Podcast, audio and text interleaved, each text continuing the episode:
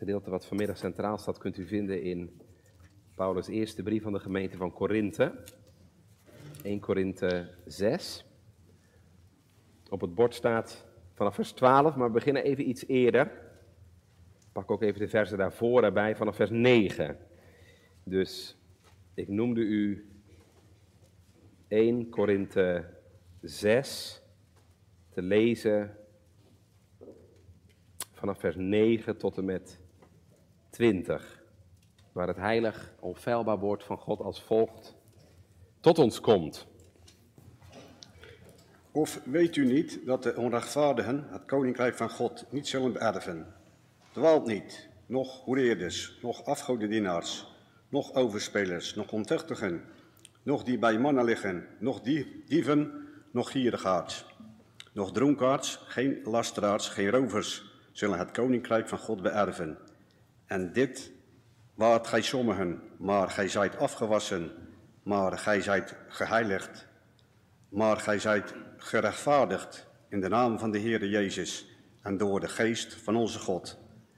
Alle dingen zijn mij geoorloofd, maar alle dingen zijn niet oorbaar.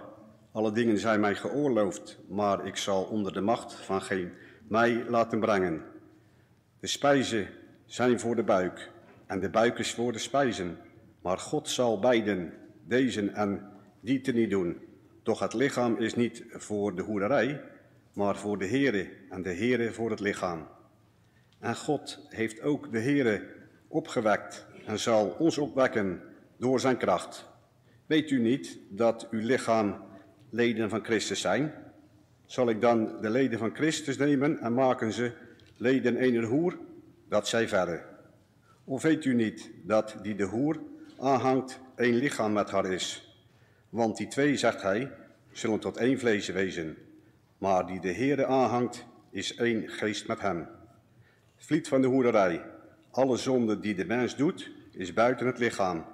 Maar die hoererij bedrijft, zondig tegen zijn eigen lichaam. Of weet u niet dat uw lieden lichaam een tempel is van de Heilige Geest, die in u is, die u van God hebt, en dat gij uzelf niet zijt, want u zijt duur gekocht. Zo verheerlijk dan God in uw lichaam en in uw geest, welke van God zijn. Gemeente, ik begin vanmiddag met drie verhalen die ik de afgelopen weken tegenkwam. Op uh, Marktplaats, in uh, Psychologie Magazine en op de website van de NOS. Eerst dat Marktplaatsverhaal. Het gebeurde in Apeldoorn. Een vrouw, lid van een hervormde gemeente, bood iets aan op Marktplaats. Nadat de koper, een man, zijn aankoop had opgehaald bij haar, ontving ze even later een berichtje van hem. Ik zal het u even voorlezen. Misschien een beetje een gekke vraag, maar ik vind u zo'n mooie vrouw en ik heb het gevoel dat het wel klikte. Zou u ervoor openstaan vrijblijvend seks met elkaar te hebben? Tweede verhaal. Ik zat te lezen in uh, Psychologie Magazine. Was een of ander artikel over uh, vermoeidheid. En toen ik het artikel uit had, stuitte ik op een advertentie. Advertentie van een boek wat blijkbaar pas verschenen is. De titel was, ik lees maar weer voor, Hoe doen we het? Een zoektocht naar het seksleven van vrouwen. Journalist Milou Delen interviewt 14 inspirerende vrouwen over hun seksleven. Snel doorblader, valt vervolgens mijn oog op de aankondiging voor het volgende nummer van Psychologie Magazine. Thema voor het volgende nummer is erotische dromen. Wat zeggen ze over je verlangens? Ik heb mijn portie weer gehad en besluit voorlopig het Psychologie Magazine maar even dicht te laten. Derde voorbeeld. Vorige maand op de website van de NOS. Je wel eens gehoord van Hot Girls Summer lijsten? Nou, ik niet dus. Maar het blijkt dat in Nederland duizenden meiden daaraan meedoen. Hot Girl Summer lijsten.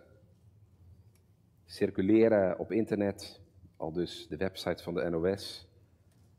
Allerlei lijsten met seksuele activiteiten, waarmee je dan punten kunt scoren. Drie punten voor een zoen. Tien als je een naaktfoto stuurt.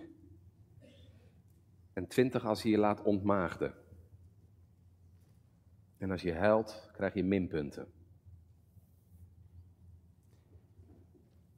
Ik vind het niet fijn, gemeente, om vanmiddag zo te beginnen. Maar dit is Nederland, dit is ons land, 2022 waar een verkoop op marktplaats zomaar kan leiden tot een ongewenst aanbod. Waar mensen maar al te graag een boekje open doen over hun seksleven. En waar jongeren, jonge meiden ongeremd losgaan in de meest walgelijke en beschamende activiteiten. Dit is Nederland waar wij wonen. Waar je in de zomertijd soms haast niet weet waar je kijken moet. Waar mijn kinderen groot worden en die van u. En waar ik ook in de kerk, in het pastoraat, soms geconfronteerd word met de meest verdrietige verhalen. Dat mensen tegen je zeggen, dominee, ik ben er zo klaar mee. Ik wil er niks meer mee te maken hebben. En ja, natuurlijk, dan kunnen we vanmiddag zeggen, dominee, dit is zo lastig, zo complex, zo gevoelig. Waar, waar moeten we beginnen, waar moeten we eindigen? Dat we er maar helemaal maar niet meer aan beginnen, toch? Maar lieve gemeente, dat kan niet. Want als wij niet meer weten wat wij doen moeten, dan zijn we verloren. Dan zijn we overgeleverd aan de Filistijnen en dan gaan we ook naar de Filistijnen. Dus de vraag vanmiddag, is er een weg? Is er een weg uit het oerwoud, waar wij inmiddels in zitten en dat ons lijkt te verstikken? Maar jongens en meisjes, als je uit een oerwoud wil komen, dan heb je natuurlijk een kompas nodig. God zij dank hebben we dat gelukkig. Dat kompas is het woord van God. En alleen dat kan ons de weg wijzen door dit oerwoud en uit dit oerwoud. Zullen we dan vanmiddag gemeente heel goed luisteren, want er staat heel veel op het spel, hè? u hebt het net gehoord toch? Nog hoereerders, nog overspelers, nog ontuchtigen, nog die bij mannen liggen, zullen het koninkrijk van God beërven. Dat staat er op het spel. Voor u en mij. Daarom gaan we vanmiddag stilstaan bij twee aandachtspunten. Seksualiteit volgens de mens vandaag en seksualiteit volgens de God van de Bijbel.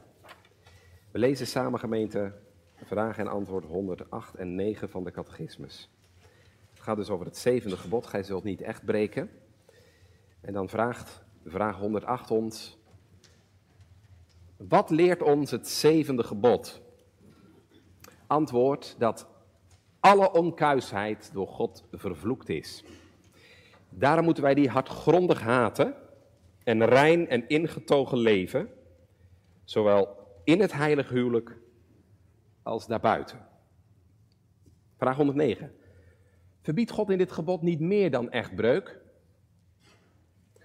Antwoord, omdat zowel ons lichaam als onze ziel een tempel van de Heilige Geest is, wil God dat wij ze beide, lichaam en ziel dus, zuiver en heilig bewaren. Daarom verbiedt Hij alle onreine daden, gebaren, woorden, gedachten begeerte en wat de mens daartoe verleiden kan. Wij staan dus stil, gemeente, bij deze zondag aan de hand van twee aandachtspunten. Seksualiteit volgens de mens vandaag en seksualiteit volgens de God van de Bijbel. Ja, gemeente, allereerst dus seksualiteit vandaag. Nou ja, daar kan ik tamelijk kort over zijn, want dat weet u natuurlijk allemaal. Want dan krijgen we zo wat elke dag mee te maken. reclames, films, muziek. Het lijkt wel, zou je denken, alsof er nog maar één ding belangrijk is: seks.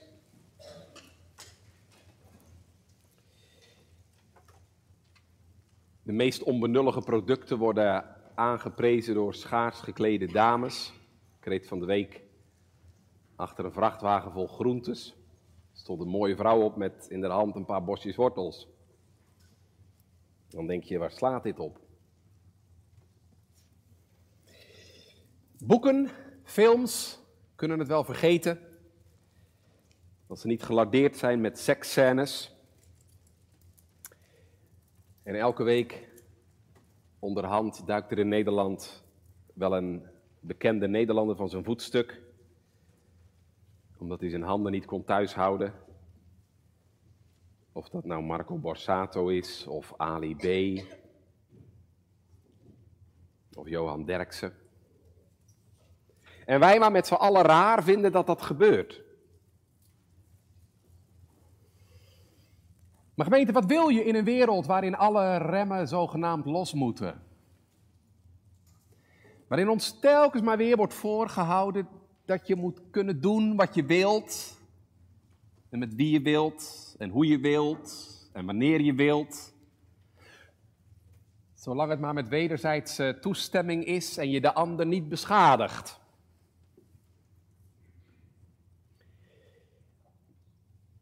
Hoe zijn we hier toch gekomen? Met z'n allen.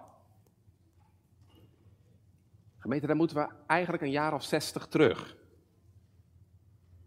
De woelige jaren zestig van de vorige eeuw. Want dat is het moment dat in Nederland en in Europa en in Amerika de dijken doorbreken. En mensen gaan de straat op en eisen, zoals ze dat noemen, meer seksuele vrijheid. Ze willen af van al die taboes. Al die benauwende beperkingen. Recht op abortus. Recht op anticonceptie. En vanaf dat moment, gemeente, vindt er een dijkdoorbraak plaats die Amerika en Europa heeft overspoeld. En die trouwens nog steeds doorgaat. Want eerst was het baas in eigen buik. En toen was het meer rechten voor homo's. En inmiddels zijn we zover dat je zelf je geslacht moet kunnen bepalen. Maar daar, jaren 60 van de vorige eeuw, vindt dus de grote verandering plaats in het denken over seksualiteit. En voor die tijd was het zo dat de meeste mensen, en daar hoef je echt geen christen voor te zijn, de meeste mensen ja, toch wel vonden dat seksualiteit eigenlijk alleen iets was van twee mensen die met elkaar getrouwd waren. Nou, na die seksuele revolutiegemeente is daar weinig meer van over. We hebben het dan over de vrije liefde. Liefde moet vrij zijn. Ik zei al, je moet zelf weten met wie, waar, wanneer en hoe je de liefde bedrijft. En dat gaat niemand wat aan en daar heeft niemand wat over te zeggen. God niet, de overheid niet, de kerk niet, dan jij alleen. Ondertussen zitten we met z'n allen met de brokken. Ik vertelde u net hè, over die walgelijke actie. Hot Girl Summer, Summer. Er stond ook een verhaal op van Luna. Luna, een meisje dat ook meedeed. Met die uh, Hot Girl Summer Lijst. Ze vertelde dat haar vrienden er bij haar op aandrongen dat ze het op een avond in een café met twee mannen zou doen. Kon je lekker veel punten verdienen. Ze wilde helemaal niet, maar het gebeurde toch. Nou ja, de vriendengroep is uit elkaar. En weer een meisje diep beschadigd. Of wat de denken gemeente van Bjorn. Bjorn had het thuis niet makkelijk. Dat niet zo lekker in zijn vel. En om wat afleiding te zoeken en te ontladen, ging die porno kijken. En nou zit Bjorn er al tien jaar aan vast. En hij komt er gemeente niet meer van los. s'nachts schieren de beelden door zijn hoofd. Van al die uh, vrouwen en meisjes, hè, van wie de meesten trouwens het helemaal niet willen. Hè, maar die wel moeten omdat ze gedwongen worden. Of omdat ze anders niet weten hoe ze aan hun inkomsten moeten komen. Seks is in onze maatschappijgemeente een consumptieartikel geworden.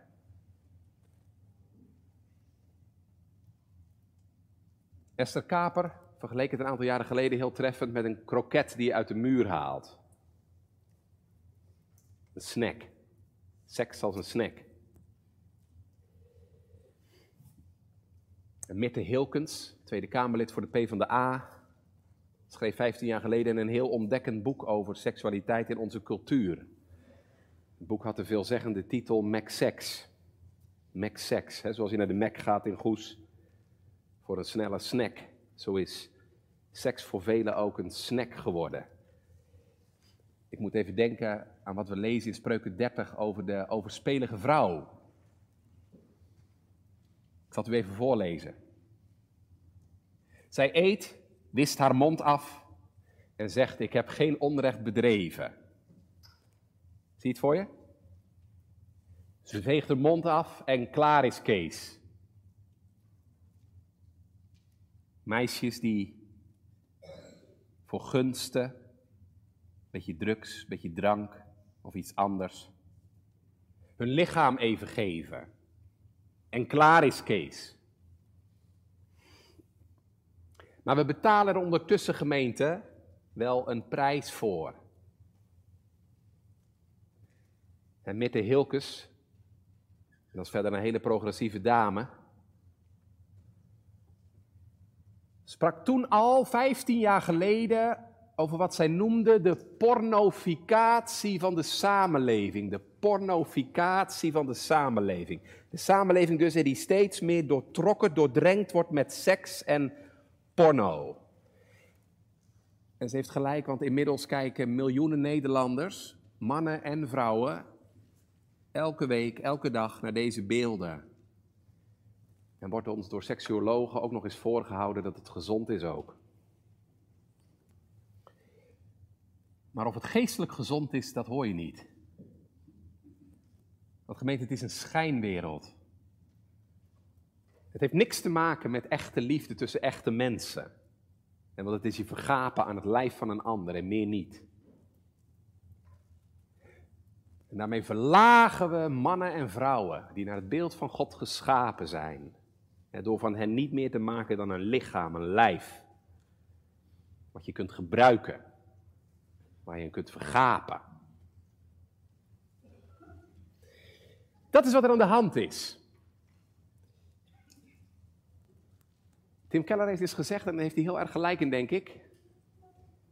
De, de paradox van seksualiteit vandaag is dat we het zowel overwaarderen als onderwaarderen. In onze samenleving wordt seksualiteit enorm overgewaardeerd en tegelijkertijd ontzettend ondergewaardeerd. Het wordt overgewaardeerd door net te doen alsof dat het zo'n beetje het een en al is. Alsof je geen volwaardig mens bent als je dat niet kent, als je dat niet hebt, als je dat niet doet. En tegelijkertijd wordt het ook zo ontzaggelijk ondergewaardeerd, hè, doordat er een product van wordt gemaakt. Hè, een soort wegwerpartikel wat je even gebruikt en dan weer weggooit. En waarbij je je lichaam helemaal losmaakt van je ziel. Van je diepste ik, van wie je nou echt ten diepste bent.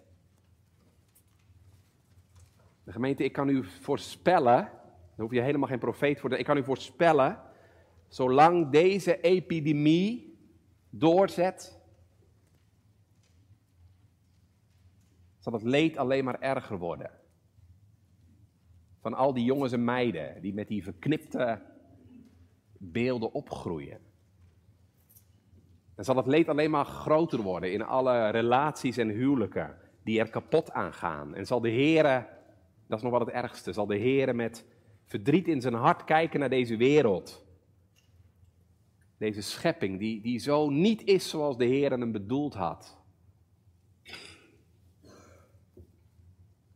Hoe had God het dan bedoeld?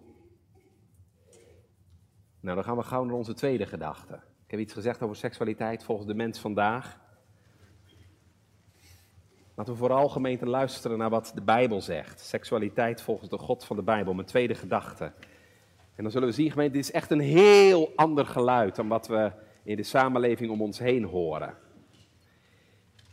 En om dat geluid te horen, gaan we even naar het gedeelte wat we zojuist gelezen hebben. 1 Korinthe 6, vers 12 tot en met 20. En ik zou zeggen, als u de Bijbel bij u hebt, eh, houd er gewoon even bij.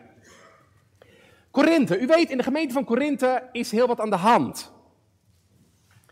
Er zijn ruzies en conflicten in die gemeentes. Zelfs rechtszaken tussen gemeenteleden.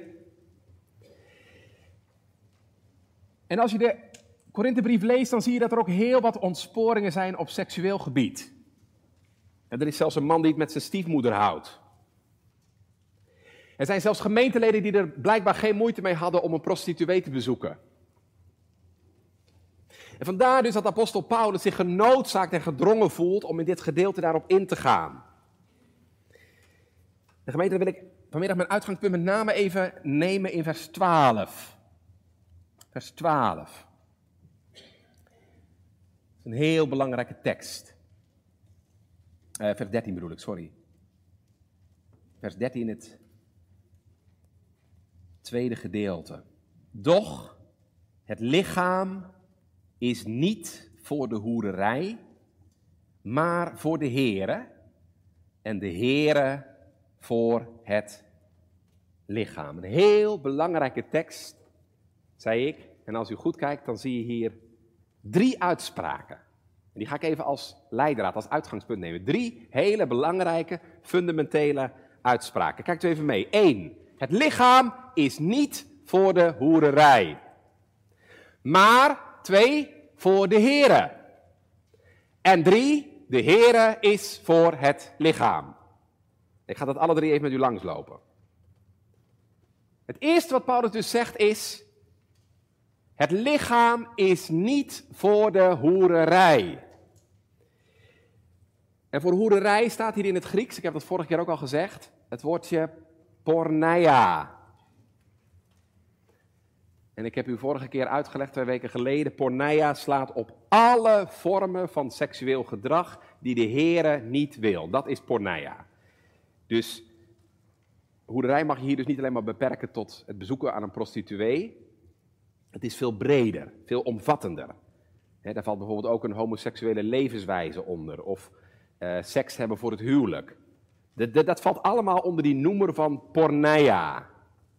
Alle vormen van seksualiteit buiten het huwelijk. Want dat is voor God de enige geoorloofde setting waarin je seksueel actief mag zijn. Dus dat is even belangrijk, gemeente.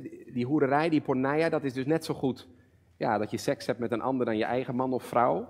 Overspel, hè? Maar het is ook net zo goed dat stelletje dat denkt: Ja, maar we houden toch zoveel van elkaar? En we gaan toch al bijna trouwen? Dominee?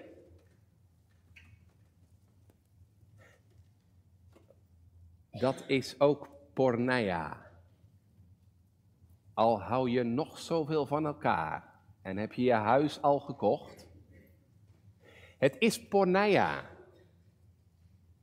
Want je bent niet getrouwd. Ja, zeg je, waarom is het dan zo belangrijk dat je getrouwd bent? Je kunt ook best seks hebben zonder, zonder huwelijk. Nou, niet dus, althans volgens God niet. Nu ga ik iets heel belangrijks zeggen. laten we dat heel goed in onze oren knopen. Lichamelijke eenheid kan er alleen zijn als er ook geestelijke eenheid is. En van die geestelijke eenheid is het huwelijk tussen man en vrouw de gestalte. Want wat betekent het huwelijk ook alweer? Daar hebben we het over gehad, hè? We hebben gezien. Het huwelijk betekent dat twee mensen één worden. En die twee zullen tot één vlees zijn. En toen heb ik gezegd, alleen als die eenheid er is, hè, dus geestelijk, emotioneel,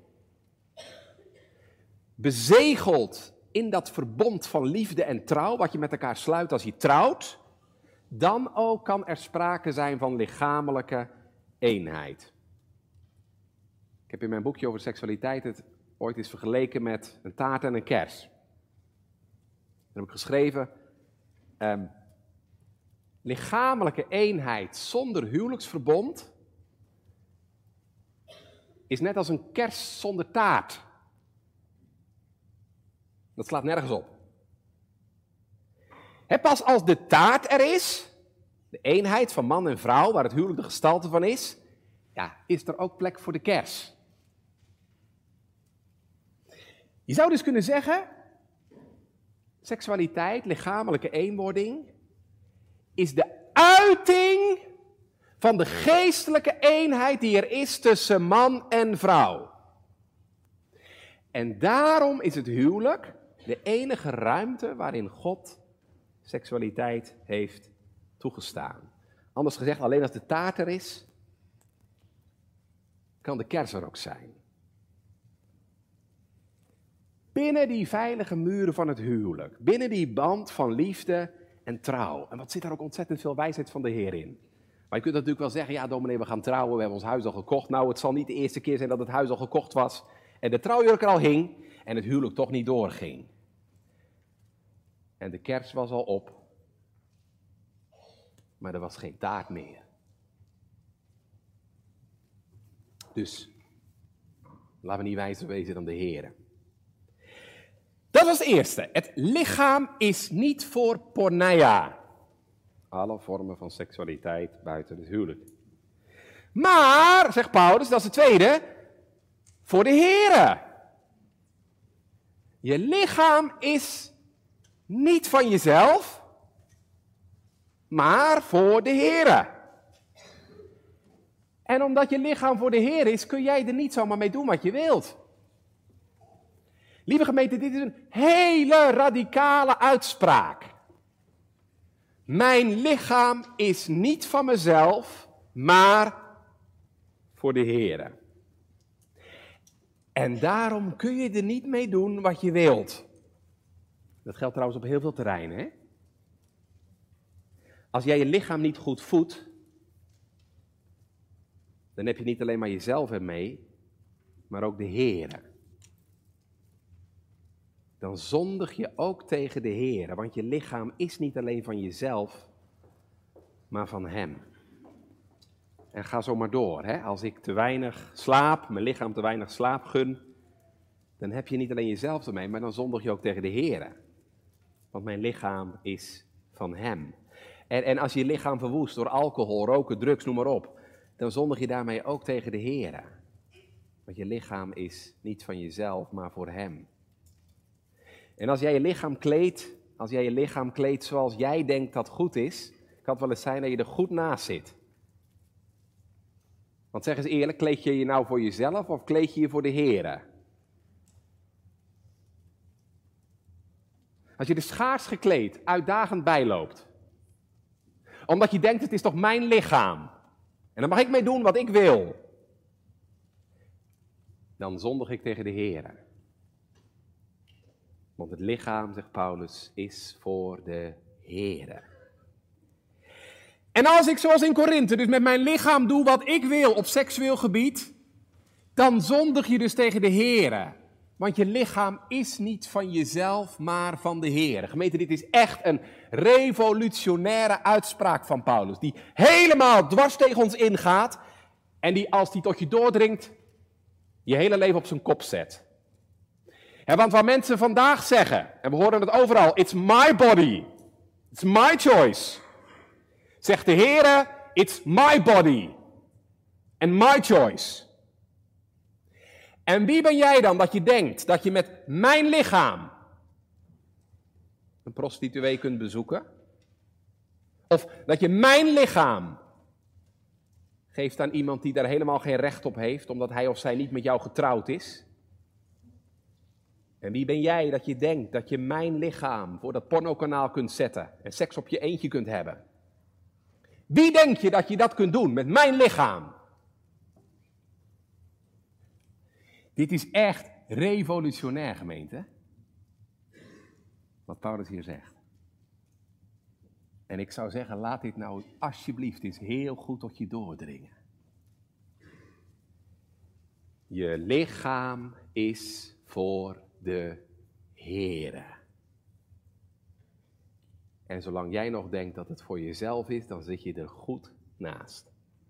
En dan roept de Heer je vanmiddag op tot bekering. Want hij zegt, je lichaam is van mij.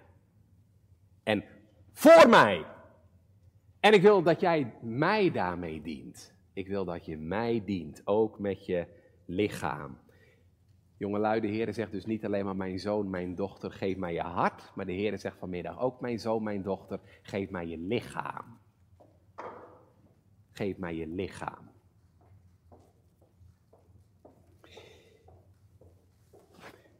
Ik kreeg vorige week uh, een prachtige uitspraak doorgeappt. Dank je wel daar nog voor. Van Elizabeth Elliot. En Elizabeth Elliot, bekende zendelingen, zegt: We cannot keep our hearts to God and keep our bodies for ourselves. Je kunt niet wel je hart aan God geven, maar je lichaam voor jezelf houden. Dat kan niet. De mensen die denken dat dat kan, hè? mijn hart is voor de Heer, maar mijn lichaam, daar mag ik mee doen wat ik wil. Nee, God wil dat je Hem ook eert met je lichaam. Dus nog een keer concreet hoe je je kleedt, hoe je ervoor zorgt, uh, hoe je ermee omgaat op seksueel gebied. Alles wat je doet, zegt Paulus straks tegen de Corinthiërs, alles wat je doet, doe het ter ere van God. Nou, dan de derde. Het lichaam is niet voor de hoerderij, zagen we, maar het lichaam is voor de Here.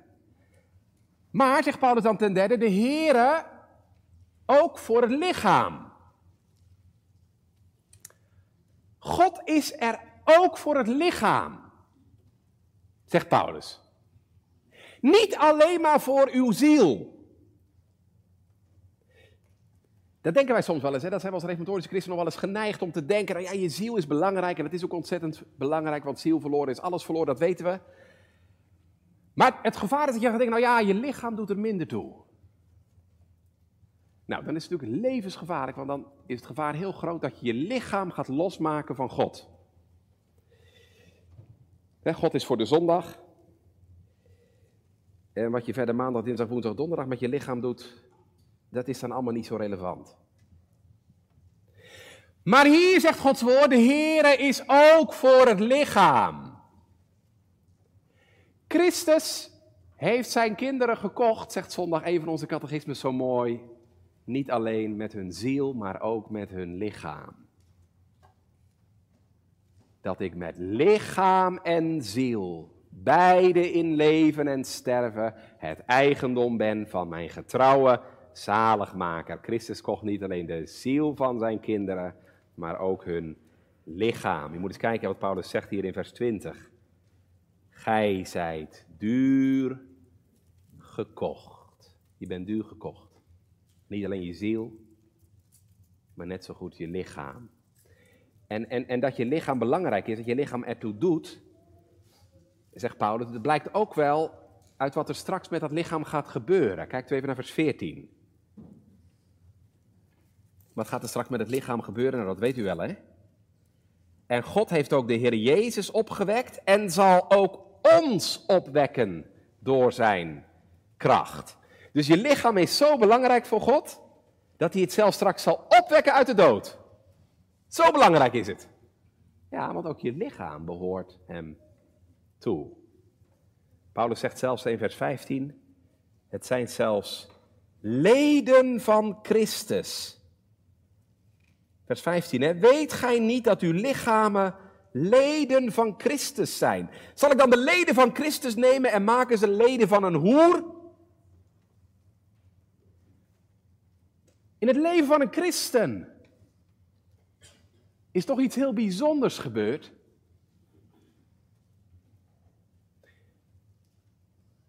Toen je tot geloof kwam in de Heer Jezus, zegt Paulus tegen die mensen in Korinthe, toen je tot geloof kwam in de Heer Jezus, ben je één geworden met de Heer Jezus. Ben je door het geloof met Hem verenigd. Je bent onderdeel geworden van het lichaam van Christus. want Hij is het hoofd en wij zijn de leden. Elke christen, elk kind van God, elke gelovige maakt onderdeel uit van dat grote lichaam van Christus. Hij zal er straks over schrijven in 1 Korinthe 12. De een is een hand en de ander is een voet. Maar elke gelovige is een onderdeel van het lichaam van Christus. En hoe kunnen nou mensen die bij dat lichaam van Christus horen, die notabene één zijn met Christus, hoe kunnen die nou één worden met een hoer? Als je dat doet, zegt Paulus, als je dat doet, dan doe je eigenlijk wat alleen maar in een huwelijk mag. want je wordt lichamelijk één met die vrouw. Dat is feitelijk een pseudo-huwelijk. Kijk maar, hè. Vers 16. Of weet gij niet dat die de hoer aanhangt één lichaam met haar is? Want die twee, zegt hij, zullen tot één vlees zijn.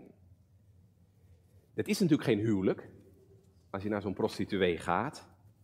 Maar je doet iets wat alleen in het huwelijk mag. Je wordt één vlees met iemand. Eigenlijk is het een pseudo-huwelijk. Maar hoe kun je dat nou doen? Als je de Heer Jezus mag kennen. Als je getrouwd bent met Christus. Als je bij de bruidsgemeente van de Heer Jezus hoort. En je bent zoals hij hier zegt, hè? In vers 17, je bent één geest met hem. Je bent één geworden met de Heer Jezus. Hoe kun je nou jezelf dan aan een ander geven? Dan ben aan een hoer. En daarom, en dan gaan we naar de conclusie toe, vers 18. En daarom zegt hij, vliet de hoererij. Hou je ver. Vlucht weg van elke vorm van hoererij, van porneia, van seksueel wangedrag. Want je hoort bij Christus. Je lichaam is niet meer van jezelf, want de Heer Jezus kocht ook je lichaam. En daarom, beste gemeenteleden van Korinthe en van Annemuiden, vliet de hoererij. Vliet de hoererij achter je computer, op je telefoon, in je relatie. Zoek het niet op, maar hou het ver bij je vandaan. Vlucht er van weg. En blijf er zo ver mogelijk van weg. Want, ik lees nog even verder, vers 18. Alle zonde die de mens doet, is buiten het lichaam. Maar wie porneia, wie hoererij bedrijft, zondigt tegen zijn eigen lichaam. Kijk, als je liegt, of je pikt iets, je steelt iets, of je roddelt over een ander, dat is natuurlijk heel erg. Maar dat is buiten je. Maar Paulus zegt, wie, wie seksueel zondigt, die zondigt tegen zijn eigen lichaam. En je lichaam, vers 19, zegt hij, is een tempel van de Heilige Geest. Kijk maar. Of weet gij niet dat uw lichaam een tempel is van de Heilige Geest, die in u is, die u van God hebt en dat u niet meer van uzelf bent. Je lichaam, christen, is een tempel van de Heilige Geest. Hè? Zoals in het Oude Testament de Heer woonde in de tempel in Jeruzalem, zo woont de Heer nieuwtestamentisch in het leven van zijn kinderen en van zijn gemeente. Je lichaam is dus een tempel van de Heilige Geest. En wat doe je de Heilige Geest verdriet? als Hij jou in dat lichaam en met dat lichaam, waar Hij notabene in woont, dat niet meer het eigendom is van jezelf, maar van de Heer. Als Hij je in dat lichaam dingen ziet doen die niet kunnen, dan snap je toch wel dat je de Heilige Geest bedroeft. Ja, dan doe je hem grote smart aan. Dan daag je hem uit. Dan vertoornen we hem. Want je bent niet meer van jezelf, zagen we. En je kon niet meer met je lichaam doen wat je wilde. Want je bent van Hem. Gij zijt duur gekocht. En daarom, en dat is de eindconclusie, zo verheerlijk dan God in uw lichaam en in uw geest, die van God zijn. dus aan de ene kant is de aansporing negatief gezegd. Vliet de. Wegwezen. Blijf er zoveel mogelijk vandaan. Aan de andere kant is de aansporing heel positief. Verheerlijk God in uw lichaam en in uw geest, die van God zijn.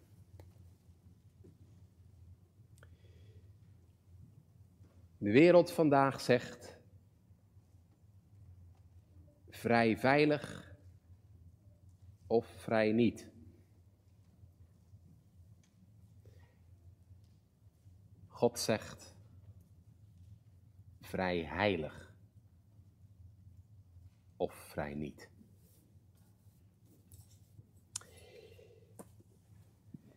En dat is de boodschap, gemeente, die wij als kerk en als christenen elkaar steeds weer voor moeten houden. En dan ga ik mee eindigen vanmiddag. En dan wil ik graag dat u twee dingen meeneemt tot slotte. Dat je twee dingen ziet. En dat in de eerste plaats dat we zien dat seksualiteit een goede gave van God is. Seksualiteit is een goede gave van God. Aan de andere kant zien we, dat is ook waar, bederf van het beste leidt tot het slechtste, zoals het spreekwoord zegt. Bederf van het beste leidt tot het slechtste. Om even bij dat eerste te beginnen, laten wij nooit vergeten, seksualiteit is een goede gave van God. je zou dat soms bijna vergeten door alle ellende en rottigheid en smerigheid die om ons heen tegenkomen. Maar vergeet nooit, gemeente, seksualiteit is niet door mensen bedacht. Het is door de Heer bedacht. Dat wij het lastig kunnen vinden, dat, is, uh, dat kan waar wezen, maar het blijft staan. En God zag al wat hij gemaakt had. En zie, het was zeer goed. En dat betekent ook seksualiteit. Het was zeer goed. En waarom is het goed? Drie antwoorden. Het is goed in de eerste plaats omdat seksualiteit verbindt. Seksualiteit heeft, als het tenminste op de goede manier gebruikt wordt, een geweldig verbindende kracht in een relatie. Het maakt een man en vrouw op een hele diepe manier één. Ik zeg altijd op de huwelijkscategesis tegen de jongeren, het is het cement in je relatie. Het cement in je relatie. Als cement de stenen bij elkaar houdt, zo kan seksualiteit dat ook. In de tweede plaats is het goed gemeente vanwege de vreugde die het geeft. Het is bekend, bij seksualiteit komen er allerlei stofjes los die zorgen voor een geluksgevoel. Nou, dat klopt, want seksualiteit is door de Heer bedacht om ervan te genieten. De vader in het spreukenboek zegt in spreuken 5, verblijd je over de vrouw van je jeugd. Staat dat echt in de Bijbel? Ja, dat staat echt in de Bijbel. God is niet tegen genot. Hij geeft ons, zegt Paulus in 1 Timotheus 6, hij geeft ons alle dingen. Dus ook seksualiteit. Hij geeft ons alle dingen om van te genieten. En dan ga ik nog een paar dieper. En als u dan beseft, hè, dat hebben we al eerder gezien, dat het huwelijk tussen man en vrouw ook een afspiegeling is van de liefde tussen de Heer Jezus en zijn gemeente. Dan mag uw seksualiteit in het huwelijk ook zien als een voorafschaduwing van de eeuwige vreugde die Christus straks aan zijn bruid, zijn kinderen zal geven. Overvloed van blijdschap is bij uw aangezicht. Liefelijkheden zijn in uw rechterhand. Voor eeuwig. Had u er zo wel eens naar gekeken? De vreugde van seksualiteit is een voorafschaduwing van de eeuwige vreugde die Christus zijn bruid straks geven zal. En in de derde plaats is seksualiteit goed, omdat God het gebruikt tot instandhouding van het menselijk geslacht. God heeft seksualiteit ook gegeven om vruchtbaar te zijn. want hij zei tegen Adam en Eva: Wees vruchtbaar en vermenigvuldig u. En we hebben gezien, helaas, we hebben al eerder gezien dat dat helaas niet altijd het geval is. En dat we ook wat dat betreft in een gebroken wereld leven. Maar vanaf het begin heeft de Heer dat wel met elkaar verbonden. Seksualiteit is er ook om kinderen voor te brengen. En hoewel dat niet de enige reden is, die andere dingen die ik net noemde zijn net zo goed belangrijk, mag je het ook niet van elkaar losmaken. Zoals tegenwoordig zo vaak gebeurt. ook hiervoor geldt, wat God heeft samengevoegd, scheiden de mens niet. God wil die diep gedeelde liefde en intimiteit tussen man en vrouw gebruiken om iets heel bijzonders te maken. Een nieuw, uniek leventje. Als vrucht van die wederzijdse liefde. En daarom, gemeente, is seksualiteit iets goeds. omdat het man en vrouw verbindt, omdat het vreugde geeft en omdat het nieuw leven mogelijk maakt. En daarom is het zo vreselijk. Daarom is het zo vreselijk dat juist dat mooie geschenk van seksualiteit zo ontzettend ehm, verwoest en misbruikt wordt vandaag. En dan geldt inderdaad wat ik net heb gezegd, dan is het bederf van het beste het slechtste. En dan wordt seksualiteit inderdaad een destructieve kracht die heel veel stuk maakt. Het viel me van de week op, hè? het zal natuurlijk niet voor niks zijn dat van de 17 vruchten van het vlees, die Paulus in Galaten 5 noemt, de 17 vruchten van het vlees en maar liefst vier te maken hebben met seksualiteit. Paulus begint er zelfs mee, hè? De werken van het vlees zijn openbaar, zegt hij in Galaten 5. Overspel, hoererij, onreinheid, ontuchtigheid. En dan hoop ik gemeente vanmiddag dat wij zo eerlijk zijn, dat we dan gelijk de hand in eigen boezem willen steken. Doet u het? Want dan is er niemand vanmiddag in Arnhemuiden in de kerk op wie dit niet van toepassing is. Er zijn misschien bepaalde zonden waarvan je kunt zeggen, ja, dat is niet op, van, op iedereen van toepassing. Maar ik durf de stelling wel aan dat seksuele zonde ons allemaal aankleeft. Is het niet in daden, dan wel in woorden en zeker in onze gedachten. En dan bent u misschien nog nooit tot de daad van overspel gekomen. En ik hoop dat dat zo blijft. De heer Jezus heeft gezegd, wie een vrouw aanziet om haar te begeren, en dat geldt natuurlijk andersom net zo goed, wie een vrouw aanziet om haar te begeren, heeft in zijn hart reeds overspel met haar gedaan. Dus gemeente, dan ben ik niet beter dan een overspeler of iemand die in homoseksuele zonde leeft want zoals de catechismus terecht zegt, in antwoord 108, alle onkuisheid is door God vervloekt. Alle onkuisheid is door God vervloekt. Weet je wat dat betekent? Dat betekent dat die vloek van God ook op jou en mijn leven rust. Tenzij u nu durft te zeggen dat u daar geen last van heeft. Maar dan ben ik wel zo vrij om te betwijfelen of u de waarheid spreekt. Dat betekent gemeente, dat de conclusie van mijn preek, dat de vloek van God op ons allemaal rust. Want als het hierom gaat, is er bij ons allemaal sprake van schuld, van seksuele schuld. En die zonden in ons leven zou onze eeuwige ondergang worden als er bij de Heer voor deze zonde geen vergeving was geweest.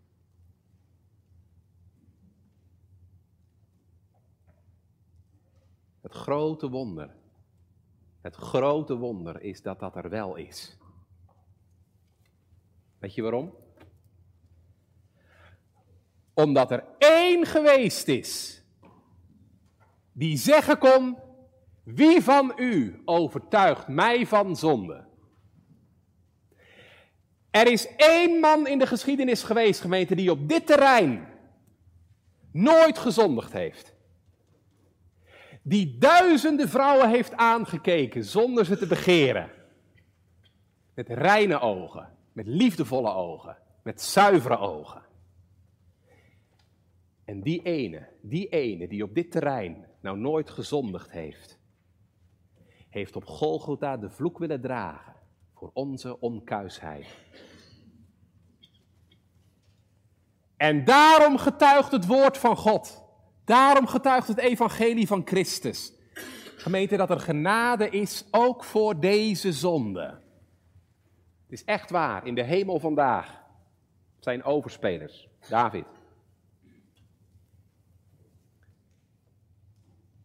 Hoeren. Graag op de hoer. Homoseksuelen.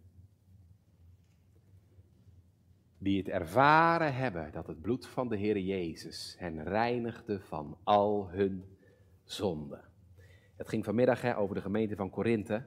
Nou, ik kan u zeggen, die waren er nou allemaal in Korinthe. Overspelers, hoereerders, die bij mannen lagen. Maar dan vraag ik nog even, wilt u nog even lezen wat Paulus zegt in vers 11? Lees u nog even mee. En dit waart gij sommigen. Sommigen van jullie waren dit, zegt hij. Maar gij zijt afgewassen. Maar gij zijt geheiligd. Maar gij zijt gerechtvaardigd. In de naam van de Heer Jezus en door de geest van onze God. En dat zeg ik vanmiddag gemeente tot bemoediging van velen. Want ik weet dat er velen zijn die hier ontzettend mee worstelen en tobben.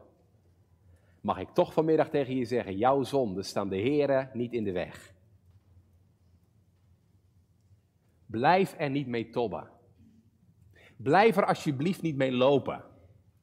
Blijf er vooral niet mee weg bij de Here. Ga vooral niet proberen om zelf je leven op te knappen en te verbeteren. Want ik kan je het op je een briefje geven, het lukt je misschien een paar dagen hooguit. En je gaat weer op je neus, je gaat weer op je snuffert. Maar veel beter kun je met je zwakheid, met je zonde, met je wanhoop tot de Heer Jezus vluchten. De Heer Jezus die zichzelf wilde geven. De reine voor de onreine, opdat Hij ons tot God zou brengen. En ik mag u vanmiddag aan het eind van deze preek zeggen, zijn bloed reinigt. Ook vandaag, ook van deze zonde. En mag u vanmiddag die genade kennen. Mag u vanmiddag uit die genade leven.